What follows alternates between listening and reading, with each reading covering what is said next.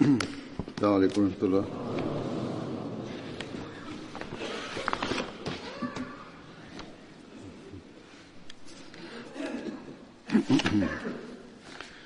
أشهد أن لا إله إلا الله وحده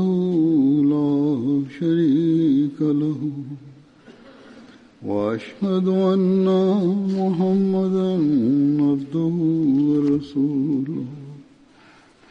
أما بعد فأعوذ بالله من الشيطان الرجيم. بسم الله الرحمن الرحيم.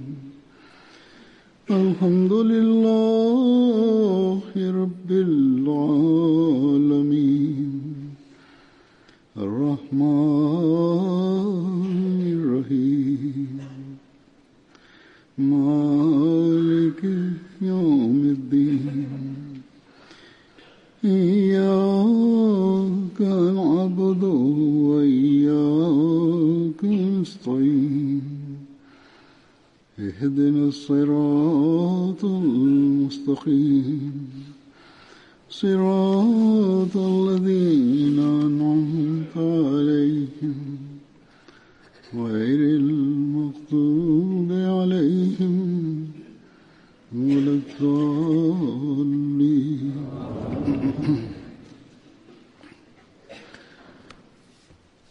اليوم أيضا سأذكر بعض الصحابة البدريين وأولهم سيدنا عامر بن ربيعة رضي الله عنه.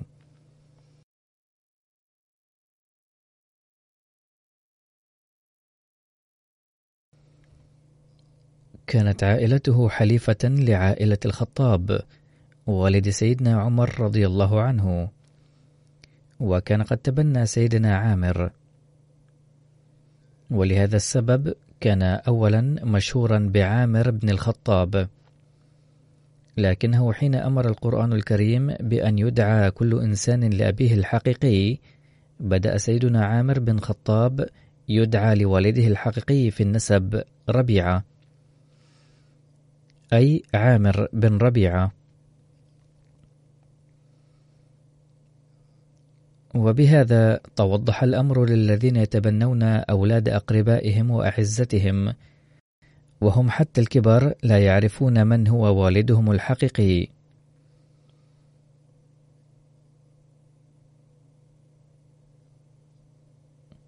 إذ يسجل اسم المتبني في الهوية والوثائق الحكومية الأخرى أيضا.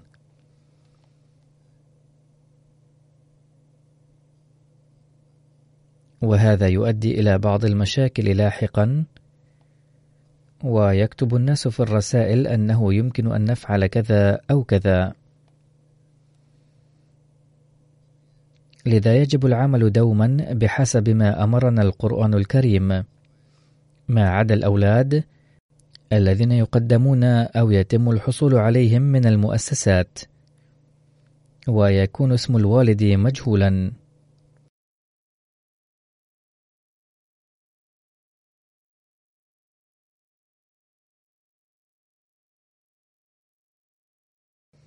باختصار أتابع الذكر السابق بعد هذا التوضيح. ما ذكر أن قبيلتي سيدنا عامر وسيدنا عمر رضي الله عنهما كانتا حليفتين فبسبب ذلك ظلت علاقات الصداقة بين سيدنا عامر وسيدنا عمر رضي الله عنهما إلى النهاية. كان سيدنا عامر رضي الله عنه من أوائل المؤمنين حتى لم يكن النبي صلى الله عليه وسلم قد أوى بعد إلى دار الأرقم. هاجر سيدنا عامر رضي الله عنه مع زوجته ليلى بنت أبي حثمة إلى الحبشة. ثم عاد من هنالك ولاحقا هاجر إلى المدينة مع زوجته. ولزوجته شرف كونها أول المهاجرات إلى المدينة.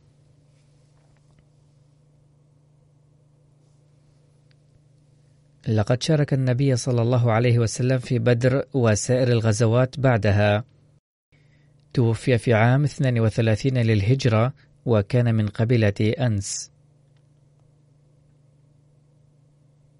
عن عامر بن ربيعة عن النبي صلى الله عليه وسلم قال: إذا رأى أحدكم الجنازة فإن لم يكن ماشيا معها فليقم حتى تخلفه أو توضع.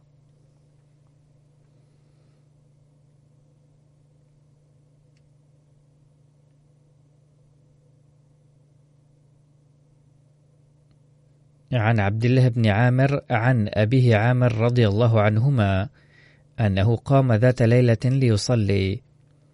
يوم كانت الخلافات والفتنة زمن سيدنا عثمان رضي الله عنه قد بدأت.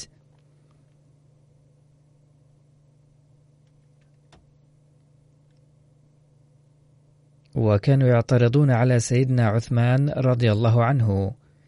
وبعد الصلاة حين نام رأى في المنام أنه قيل له أن يقوم ويدعو الله أن ينجيه من هذه الفتنة التي نجى منها عباده الصالحين. فقام سيدنا عامر بن ربيعة وصلى وبعده دعا الله تعالى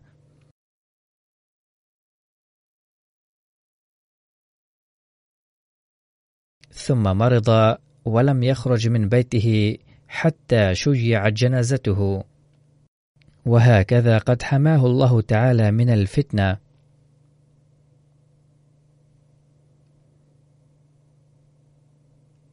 عن عامر بن ربيعة أن النبي صلى الله عليه وسلم كان يطوف بالبيت فانقطع شسع نعله فأخرج رجل شسعا من نعله فذهب يشده في نعل النبي صلى الله عليه وسلم فانتزعها وقال هذه أثرة ولا أحب الأثر.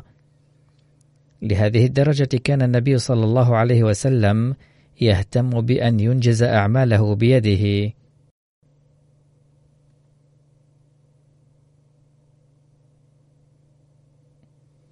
وعن عامر بن ربيعة أنه نزل به رجل من العرب فأكرم عامر مثواه. وكلم فيه رسول الله صلى الله عليه وسلم.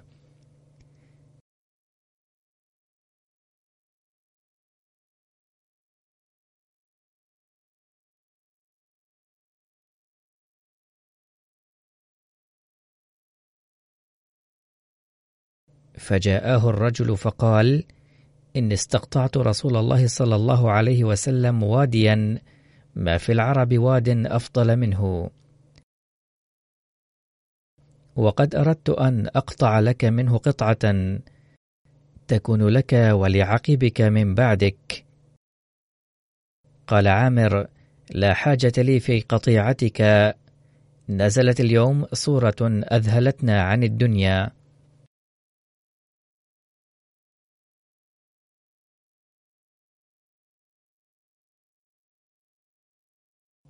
اقترب للناس حسابهم وهم في غفلة معرضون.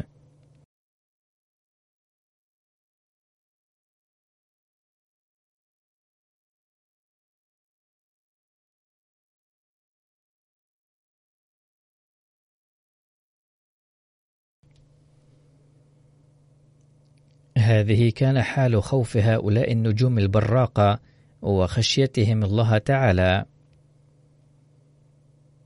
فكانوا في الحقيقة يؤثرون الدين على الدنيا.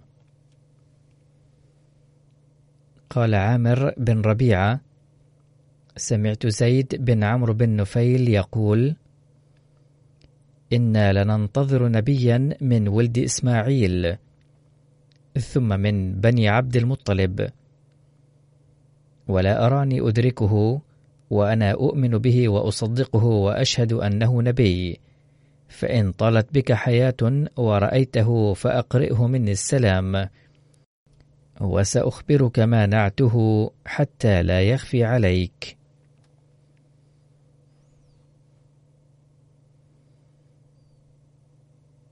قلت هلم. قال هو رجل ليس بالطويل ولا بالقصير ولا بكثير الشعر ولا بقليله. ولا تفارق عينه حمرة وخاتم النبوة بين كتفيه واسمه أحمد وهذا البلد مولده ومبعثه. ثم يخرجه قومه ويكرهون ما جاء به ويهاجر إلى يثرب فيظهر بها أمره. فإياك أن تنخدع عنه. فإني طفت البلاد كلها أطلب دين إبراهيم. فكل من أسأله من اليهود والنصارى والمجوس يقول هذا الدين وراءك وينعتونه مثل ما نعته لك ويقولون لم يبق نبي غيره.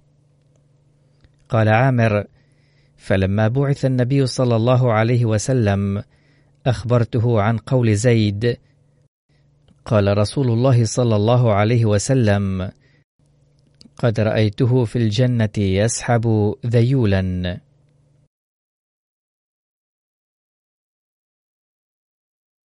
فهكذا ورد في رواية أنه لم يبق نبي غيره.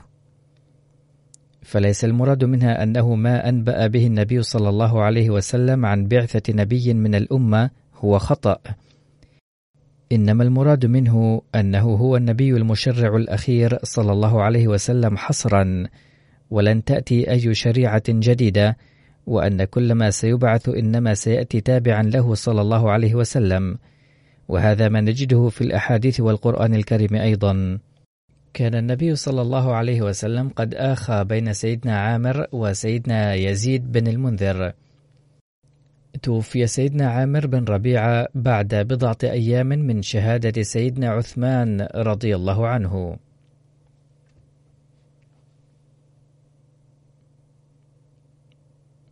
الصحابي الثاني هو سيدنا حرام بن ملحان رضي الله عنه. فكان من قبيلة بني عدي بن النجار من الأنصار. وكان اسم والده ملحان مالك بن خالد. وكان اسم والدته مليكة بنت مالك. كانت إحدى أخواته السيدة أم سليم. وهي والدة سيدنا أنس بن مالك وزوجة سيدنا أبي طلحة الأنصاري. وأخته الثانية السيدة أم حرام زوجة سيدنا عبادة بن الصامت رضي الله عنه. كان سيدنا حرام بن ملحان رضي الله عنه خال سيدنا أنس بن مالك. وقد شارك النبي صلى الله عليه وسلم في بدر وأحد واستشهد في يوم بئر معونة. عن أنس بن مالك أنه جاء بعض الناس إلى النبي صلى الله عليه وسلم فقالوا له أن يبعث معهم أناسا يعلمونهم القرآن والسنة. فأرسل النبي صلى الله عليه وسلم معهم سبعين قارئا من الأنصار وكان منهم خالي حرام أيضا. كانوا يتدارسون القرآن ليلا ويتعلمون وكانوا يجلبون الماء نهارا إلى المسجد وكانوا يحتطبون في الغابة ويشترون الغلال لأصحاب الصفة. لقد تناولت قصة بئر معونة واستشهاد سيدنا حرام بن ملحان في الخطب قبل أشهر وذكرت بعضها أيضا مرة أو مرتين. والآن أقدم لكم من البخاري بعض الروايات التي لم تذكر من قبل.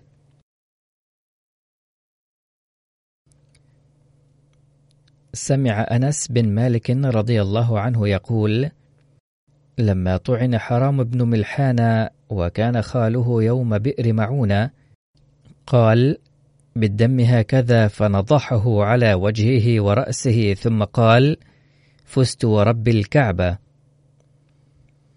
عن أنس رضي الله عنه أن النبي صلى الله عليه وسلم أتاه رعل وذكوان وعصية وبنو لحيان فزعموا أنهم قد أسلموا واستمدوه على قومهم فأمدهم النبي صلى الله عليه وسلم بسبعين من الأنصار.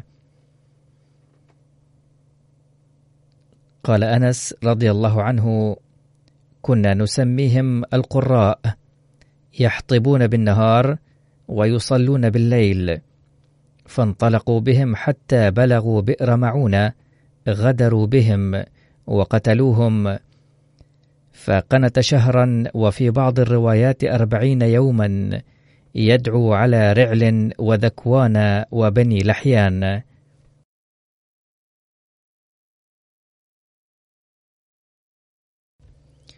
عن أنس رضي الله عنه قال قنت رسول الله صلى الله عليه وسلم شهرا حين قتل القراء. وقال في رواية أخرى في صحيح البخاري ما رأيت رسول الله صلى الله عليه وسلم حزن حزنا قط أشد منه. وفي رواية أخرى عن أنس رضي الله عنه نفسه أن رسول الله صلى الله عليه وسلم قنت شهرا بعد الركوع يدعو على أحياء من بني سليم. قال بعث أربعين أو سبعين من القراء إلى أناس من المشركين فعرض لهم هؤلاء فقتلوهم وكان بينهم وبين النبي صلى الله عليه وسلم عهد. وهنا أيضا قال الكلام نفسه. فما رأيته وجد على أحد ما وجد عليهم.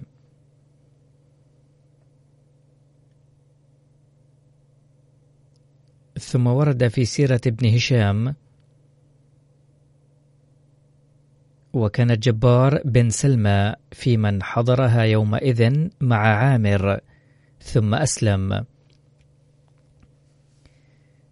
فكان يقول إن مما دعاني إلى الإسلام أني طعنت رجلا منهم يومئذ بالرمح بين كتفيه فنظرت إلى سنان الرمح حين خرج من صدره فسمعته يقول فزت ورب الكعبة والله فقلت في نفسي ما فاز ألست قد قتلت الرجل؟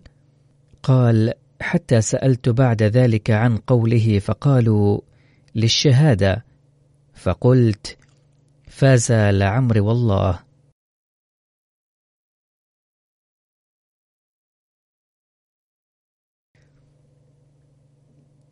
ترد مثل هذه الأحاديث عن صحابيين أو ثلاثة أصحاب وكلماتها مماثلة. وكان هؤلاء الناس يرون نيل رضوان الله تعالى الغاية الحقيقية وما كانوا يهدفون إلى إحراز النجاحات الدنيوية. لذا قال الله تعالى عنهم بسبب نيتهم الحسنة هذه رضي الله عنهم. دعا الصحابة يوم بئر معونة عند استشهادهم.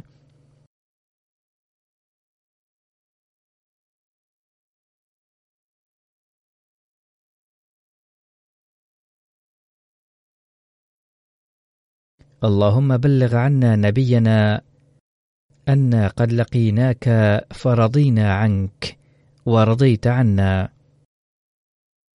قال أنس رضي الله عنه جاء النبي صلى الله عليه وسلم جبريل عليه السلام وأخبره بأن أصحابك لقوا الله تعالى ورضي الله تعالى عنهم.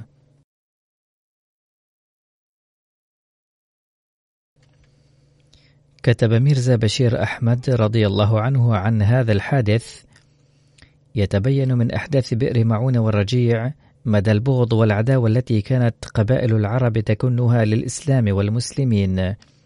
حتى لم تتوانى عن ممارسة أنواع العذاب والغدر والخداع ضد الإسلام. وأما المسلمون فبالرغم من ذكائهم وتيقظهم الكامل كان يقعون في فخ الكفار بسبب حسن الظن الذي يليق بالمؤمن. وكان هؤلاء الناس حفاظ القرآن ومصلين ومتهجدين وذاكرين الله تعالى في زوايا المسجد. ومع هذا كانوا فقراء يعانون من الجوع والفاقة. دعاهم هؤلاء الظالمون إلى وطنهم بحجة تعلم الدين وحين نزلوا وطنهم ضيوفا قتلوهم بوحشية. مهما كبر حجم الصدمة التي أصابت النبي صلى الله عليه وسلم بسبب هذه الأحداث فهي قليلة. ولكنه صلى الله عليه وسلم لم يشن أي هجوم على قتلة بئر معون والرجيع. لا شك أنه صلى الله عليه وسلم حزن كثيرا ولكنه لم يهاجمهم إلا أنه منذ أن بلغه هذا الخبر دعا على رعل وذكوان وعصية وبني لحيان ثلاثين يوما متوالية في صلاة الصبح بتضرع وابتهال.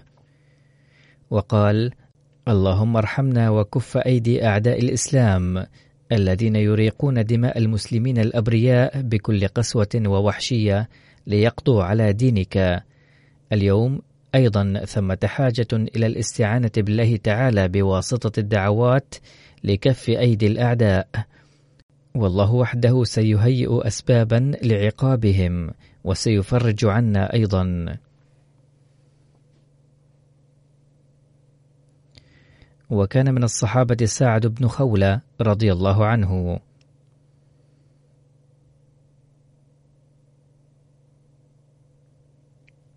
قال البعض أنه مولى أبي رهم بن عبد العزى العامري الذي كان قد حرره. أسلم وكان من المسلمين السباقين والذين هاجروا إلى الحبشة في المرة الثانية. حين هاجر من مكة إلى المدينة أقام عند كلثوم بن هدم. ذكره ابن إسحاق وموسى بن عقبة في من شهدوا بدرا. وحين شهد سعد بن خول بدرا كان عمره خمس وعشرون عاما. وشهد أحدا والخندق والحديبية.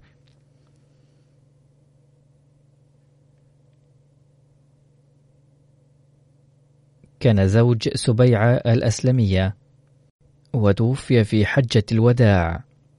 ولدت زوجته بعد وفاته بليال فقال لها رسول الله صلى الله عليه وسلم قد حللت فانكحي من شئت. ولم يختلفوا في أن سعد بن خولة مات بمكة في حجة الوداع إلا ما ذكره الطبري محمد بن جرير فإنه قال توفي سعد بن خولة سنة سبع.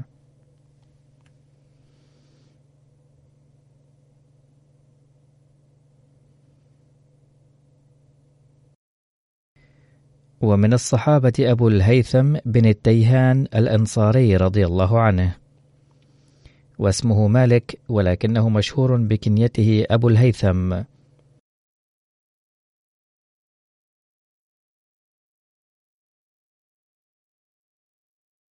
كانت أمه ليلى بنت عتيك البلوي. وعند معظم العلماء هو من بلي من عمرو حليف لبني عبد الأشهل أحد بطون الأوس. قال محمد بن عمرو وكان أبو الهيثم يكره الأصنام في الجاهلية ويؤفف بها. ويقول بالتوحيد هو وأسعد بن زرارة وكانا من أول من أسلم من الأنصار بمكة. ويجعل أبو الهيثم أيضا من الستة النفر الذين يروى أنهم أول من لقي رسول الله صلى الله عليه وسلم من الأنصار بمكة.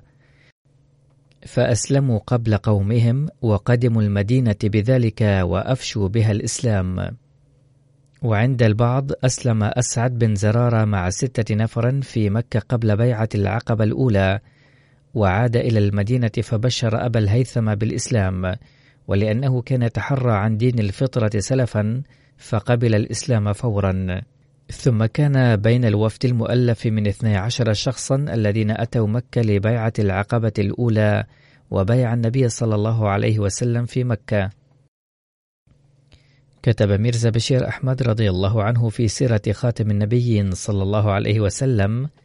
لقيهم النبي صلى الله عليه وسلم بالعقبة بعيدا عن الناس فأخبروه بأحوال يثرب وبايعوا جميعا على يده في هذه المرة. وهذه البيعة كانت حجر الأساس للإسلام في المدينة ولأن الجهاد لم يكن قد فرض بعد لذا أخذ النبي صلى الله عليه وسلم منهم البيع بالكلمات التي كان يأخذ بها البيعة من النساء بعد فرض الجهاد وهي بايعنا رسول الله على ألا نشرك بالله شيئا ولا نسرق ولا نزني ولا نقتل ولا نأتيه ببهتان نفتريه بين أيدينا وأرجلنا ولا نعصيه في معروف. وبعد البيعة قال لهم النبي صلى الله عليه وسلم إن وفيتم فلكم الجنة وإن غشيتم من ذلك شيئا فأمركم إلى الله إن شاء عذب وإن شاء غفر. هذه البيعة معروفة ببيعة العقبة الأولى لأن المكان الذي أخذت فيه البيعة يسمى العقبة ويقع بين مكة ومنى. والعقبة تعني الطريق الجبلي المرتفع. كان أبو الهيثم من ستة نفر أتوا مكة وأسلموا قبل قومهم وقدموا المدينة بذلك وأفشوا بها الإسلام. ورد عنه في رواية أنه أول من لقي رسول الله صلى الله عليه وسلم من الأنصار بمكة شهد بيعة العقبة الأولى. وقد أجمع الباحثون كلهم على أن النبي صلى الله عليه وسلم جعل اثني عشر نقيبا من الأنصار عند بيعة العقبة الثانية وكان أبو الهيثم أحدهم.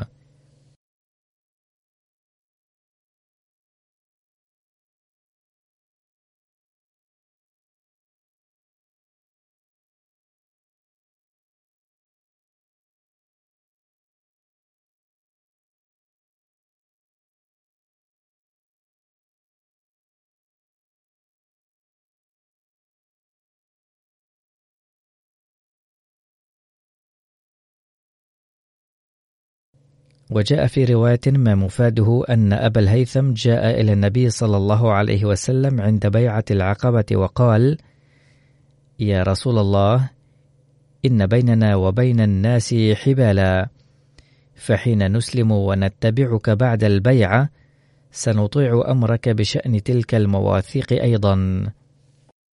فهل عسيت إن نحن فعلنا ذلك ثم أظهرك الله أن ترجع إلى قومك وتدعنا.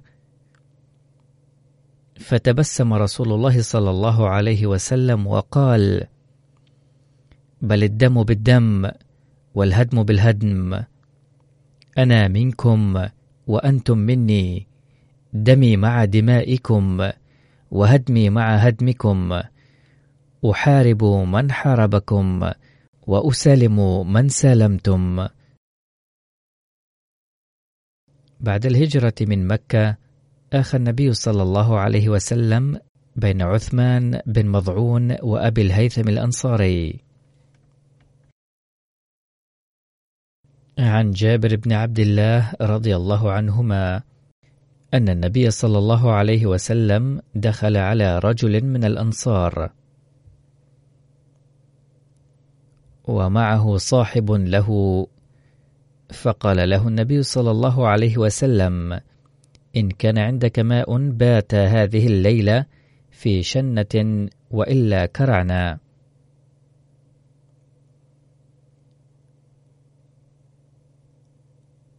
قال والرجل يحول الماء في حائطه.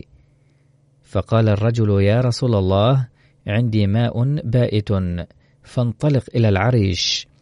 قال فانطلق به ماء فكسب في قدح ثم حلب عليه من داجن له.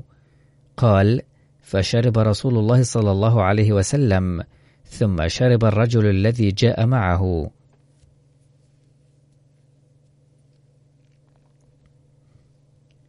وفي رواية أخرى عن جابر بن عبد الله قال: صنع أبو الهيثم بن التيهان للنبي صلى الله عليه وسلم طعاما فدعا النبي صلى الله عليه وسلم وأصحابه. فلما فرغوا قال أثيبوا أخاكم. قالوا يا رسول الله وما إثابته؟ قال إن الرجل إذا دخل بيته فأكل طعامه وشرب شرابه فدعوا له فذلك إثابته.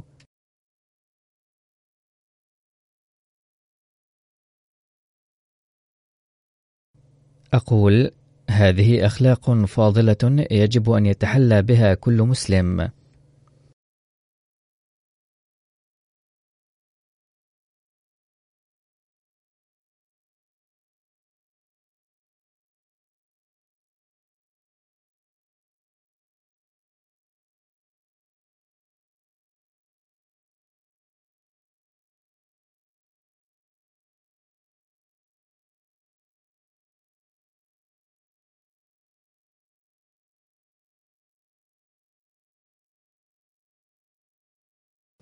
عن أبي هريرة قال خرج النبي صلى الله عليه وسلم في ساعة لا يخرج فيها ولا يلقاه فيها أحد. فأتاه أبو بكر فقال ما جاء بك يا أبا بكر؟ فقال خرجت ألقى رسول الله صلى الله عليه وسلم وأنظر في وجهه والتسليم عليه فلم يلبث أن جاء عمر. فقال ما جاء بك يا عمر؟ قال الجوع يا رسول الله. قال فقال رسول الله صلى الله عليه وسلم وأنا قد وجدت بعض ذلك. فانطلقوا إلى منزل أبي الهيثم بن التيهان الأنصاري. فلم يجدوه فقالوا لامرأته أين صاحبك؟ فقالت انطلق يستعذب لنا الماء. فلم يلبثوا أن جاء أبو الهيثم بقربة يزعبها فوضعها ثم جاء يلتزم النبي صلى الله عليه وسلم ويفديه بأبيه وأمه ثم انطلق بهم إلى حديقة فبسط لهم بساطا ثم انطلق إلى نخلة فجاء بقنو فوضعه فقال النبي صلى الله عليه وسلم أفلا انتقيت لنا من رطبه فقال يا رسول الله إني أردت أن تختاروا أو قال تخيروا من رطبه وبسره فأكلوا وشربوا من ذلك الماء.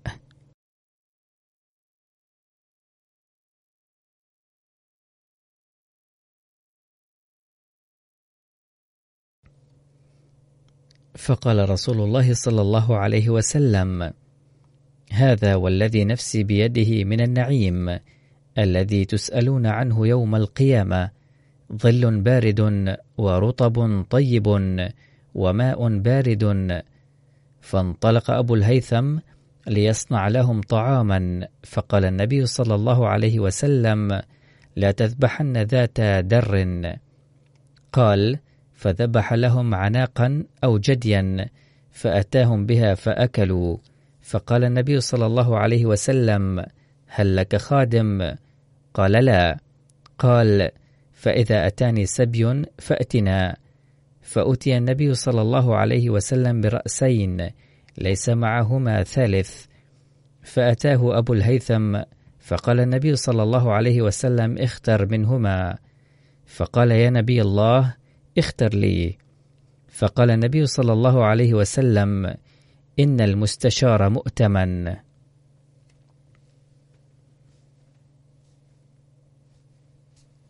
هذا الكلام جدير بالانتباه بوجه خاص ويجب على المستشار أن يعطي أحسن مشورة. ثم قال خذ هذا فإني رأيته يصلي واستوص به معروفا. فانطلق أبو الهيثم إلى امرأته فأخبرها بقول رسول الله صلى الله عليه وسلم. فقالت امرأته ما أنت ببالغ ما قال فيه النبي صلى الله عليه وسلم إلا أن تعتقه. قال فهو عتيق.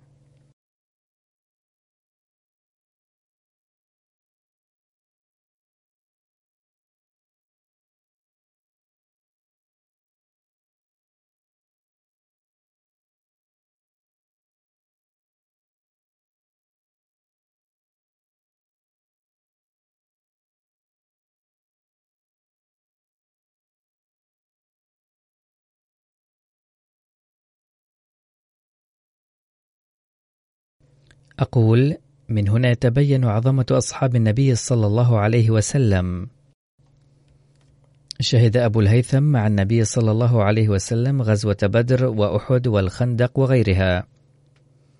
وبعد استشهاد عبد الله بن رواحة في غزوة مؤتة بعث النبي صلى الله عليه وسلم أبا الهيثم خارصا على نخيل خيبر.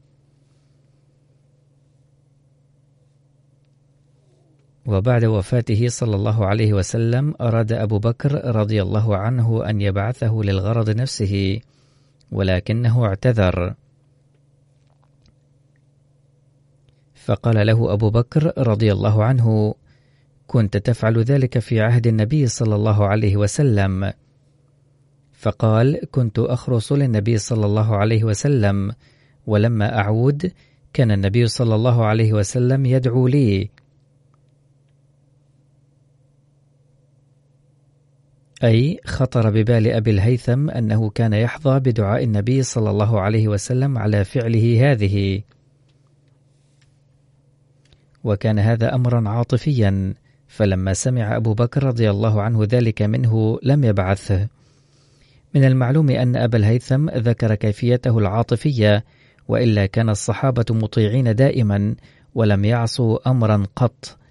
بمعنى أنه لو أمر أبو بكر رضي الله عنه أحدا منهم لكان عصيانه أمره رضي الله عنه مستحيلا تماما. وإن عدم إصرار أبي بكر رضي الله عنه على إرساله لهذا الغرض يوحي بجلاء أنه فهم حالة أبي الهيثم العاطفية ولم يأمره بعد ذلك بالذهاب لهذا الغرض. عندما أجلى سيدنا عمر رضي الله عنه اليهود من خيبر أرسل إليهم من يقوم بتثمين أراضيهم وكان من بينهم أبو الهيثم وفروة بن عمرو ويزيد بن ثابت رضي الله عنهم. فقدروا ثمن أرض ونخل أهل خيبر فأعطاهم عمر رضي الله عنه نصف هذا الثمن وكان أكثر من خمسين ألف درهم.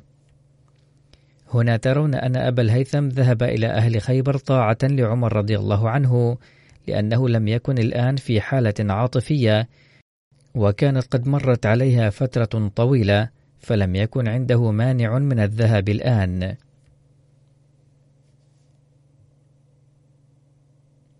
وهناك رواية عن أبي الهيثم عن إلقاء السلام فعن أبي الهيثم أن رسول الله صلى الله عليه وسلم قال: من قال السلام عليكم فله عشر حسنات. ومن قال السلام عليكم ورحمة الله فله عشرون حسنة. ومن قال السلام عليكم ورحمة الله وبركاته فله ثلاثون حسنة. وهناك اختلاف في زمن وفاة أبي الهيثم. يرى البعض أنه توفي في عهد عمر رضي الله عنهما. ويرى غيره أن وفاته كانت في السنة العشرين أو الحادية والعشرين الهجرية. وهناك من يقول أنه استشهد في حرب صفين وكان في حزب علي رضي الله عنه وذلك في السنة السابعة والعشرين للهجرة. هؤلاء هم الصحابة الذين قدموا لنا الأسوة وعلمونا كثيرا من الأمور. رفع الله درجاتهم باستمرار. آمين. بعد صلاة الجمعة سوف أصلي جنازة الغائب على اثنين. أولهما الصاحب زاد ميرزا مجيد أحمد بن حضرة ميرزا بشير أحمد رضي الله عنه. حيث توفي في الرابع عشر من أغسطس الحالي وكان عمره أربع وتسعون عاما. إن لله وإنا إليه راجعون. في عام 2000 خضع لعملية قلب في أمريكا وأصيب إثرها بفالج فظل مريضا طوال هذه المدة تقريبا. ولد في قاديان في الثامن عشر من يوليو 1924 في بيت حضرة ميرزا بشير أحمد والسيدة سرور سلطانة بنت حضرة غلام حسن. نال تعليمه الابتدائي في قاديان. اجتاز امتحان الثانوية في مدرسة تعليم الإسلام بقاديان ثم نال شهادة الماجستير في مادة التاريخ بدرجة ممتاز من الكلية الحكومية بلاهور عام 1949 لما نال شهادة الماجستير أرسل الإخوة رسائل التهاني لحضرة ميرزا بشير أحمد رضي الله عنه فشكرهم على ذلك وكتب أيضا الحق أن جماعة المؤمنين قائمة على مشاركة بعضهم بعضا في الأفراح والأتراح. وهي تنال السعادة والسكينة والقوة نتيجة هذه المشاركة. وهذه هي النقطة الجوهرية في نظرية الجماعة. ثم كتب حضرته أرجو من الإخوة أنه علاوة على مشاركتهم في فرحتنا هذه أن يدعو الله تعالى أن يرزق مجيد أحمد العلم الحقيقي أيضا ثم يوفقه للعمل به كما وفقه لإكمال المعيار الظاهري للعلم لأن هذا هو منتهى غاية حياتنا.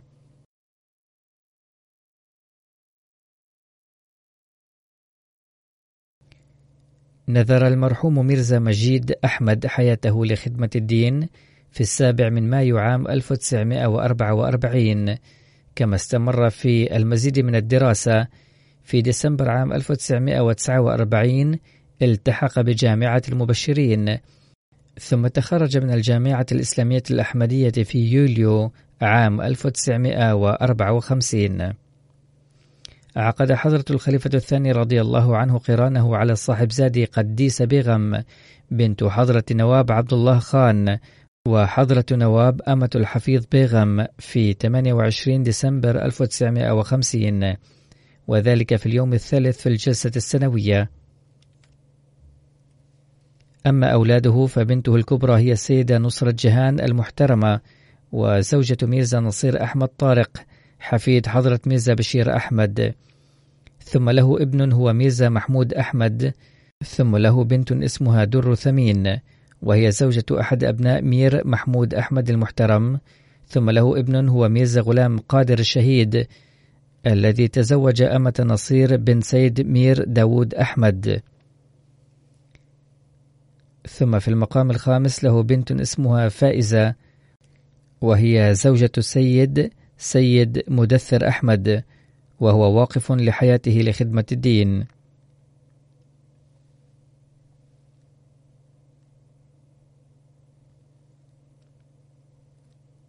وفي يوليو 1954 تخرج صاحب زادة ميرزا مجيد أحمد بدرجة الشاهد من الجامعة الإسلامية الأحمدية وعهد إليه التدريس في كلية تعليم الإسلام بربوة وذلك في العشرين من سبتمبر 1954 ثم في 4 نوفمبر 1956 أوفد المرحوم من قبل مؤسسة التحريك الجديد إلى غانا بصفته مديرا لإحدى المدارس الأحمدية في مدينة كوماسي حيث عاد من هنالك إلى باكستان في 24 ديسمبر 1963 ثم في إبريل 1964 عين ثانية في كلية تعليم الإسلام.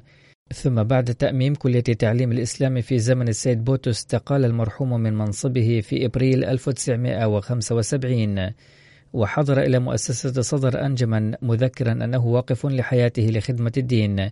في الثالث من يوليو 1975 عين نائبا لناظر التعليم.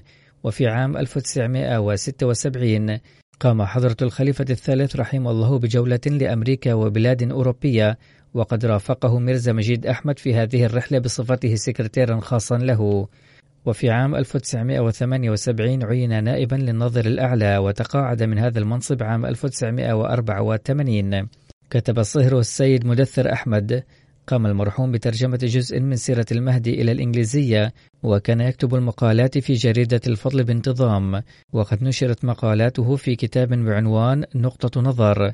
كان شخصية علمية كان يحب القراءة والكتابة جدا ويقضي معظم أوقاته في المكتبة. لقد رأيت أنا أيضا هذا. وكتبت كنته أمة الناصر وأرملة ابنه ميرزا غلام قادر الشهيد. كان إنسانا محبا مشفقا مخلصا كريما وواسع القلب جدا. كان يحب الصغار جدا. ومن أكبر مزاياه أنه كان يتأقلم مع أي إنسان مهما كان عمره ويعيش معه كصديق. كان يحسن إلى الصغار والكبار جميعا. صبر صبرا جميلا على استشهاد ابنه ميرزا غلام قادر الشهيد. بعد استشهاد زوجي قام ميرزا مجيد أحمد وزوجته برعاية أولادنا رعاية خاصة. لقد قضى فترة مرضه الطويلة صابرا وذا همة عالية. لم يكن حاد المزاج أبدا. كان مخلصا مع كل من كانت له علاقة معه. كان مشفقا بالخدم ويرعاهم.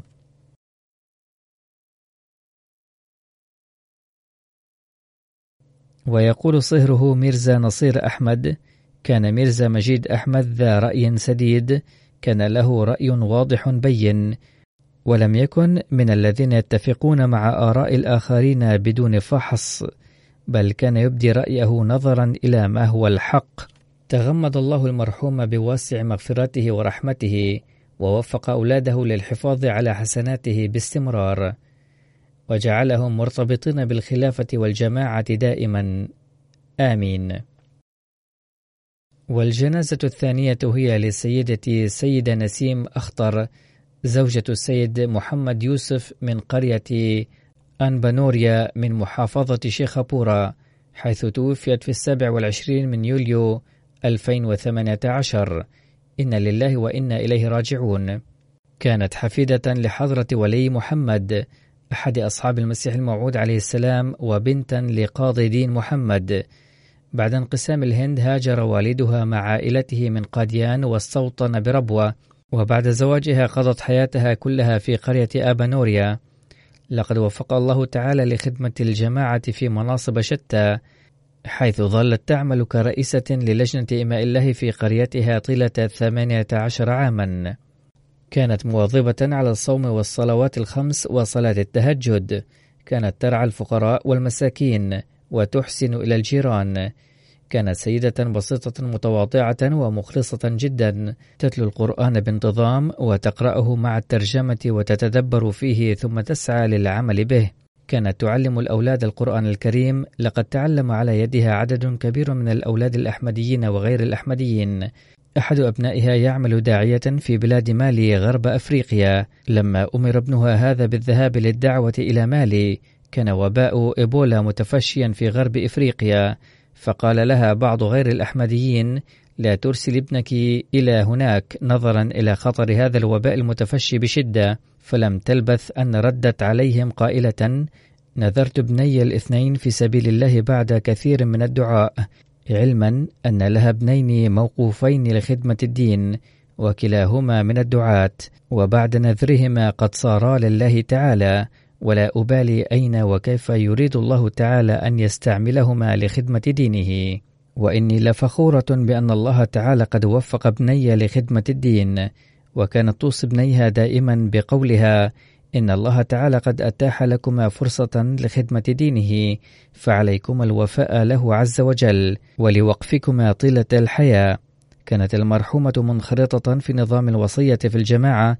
ابنها السيد ناصر أحمد ناصر داعية في مالي وابنها الآخر أنصر محمود يعمل داعية في باكستان. لم يستطع ابنها الذي هو في مالي أن يشترك في جنازتها. ألهمه الله الصبر والهمة ورفع درجات المرحومة وجعل حسناتها باقية ومستمرة في نسلها.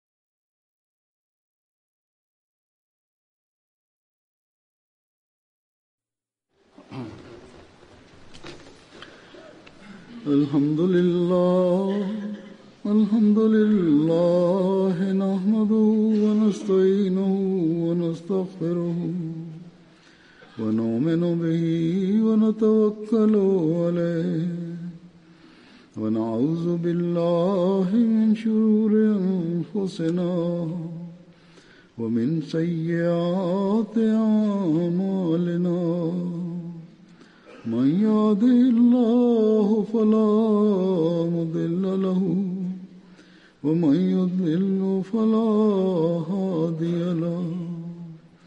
ونشهد أن لا إله إلا الله ونشهد أن محمدا عبده ورسوله. عباد الله رحمكم الله.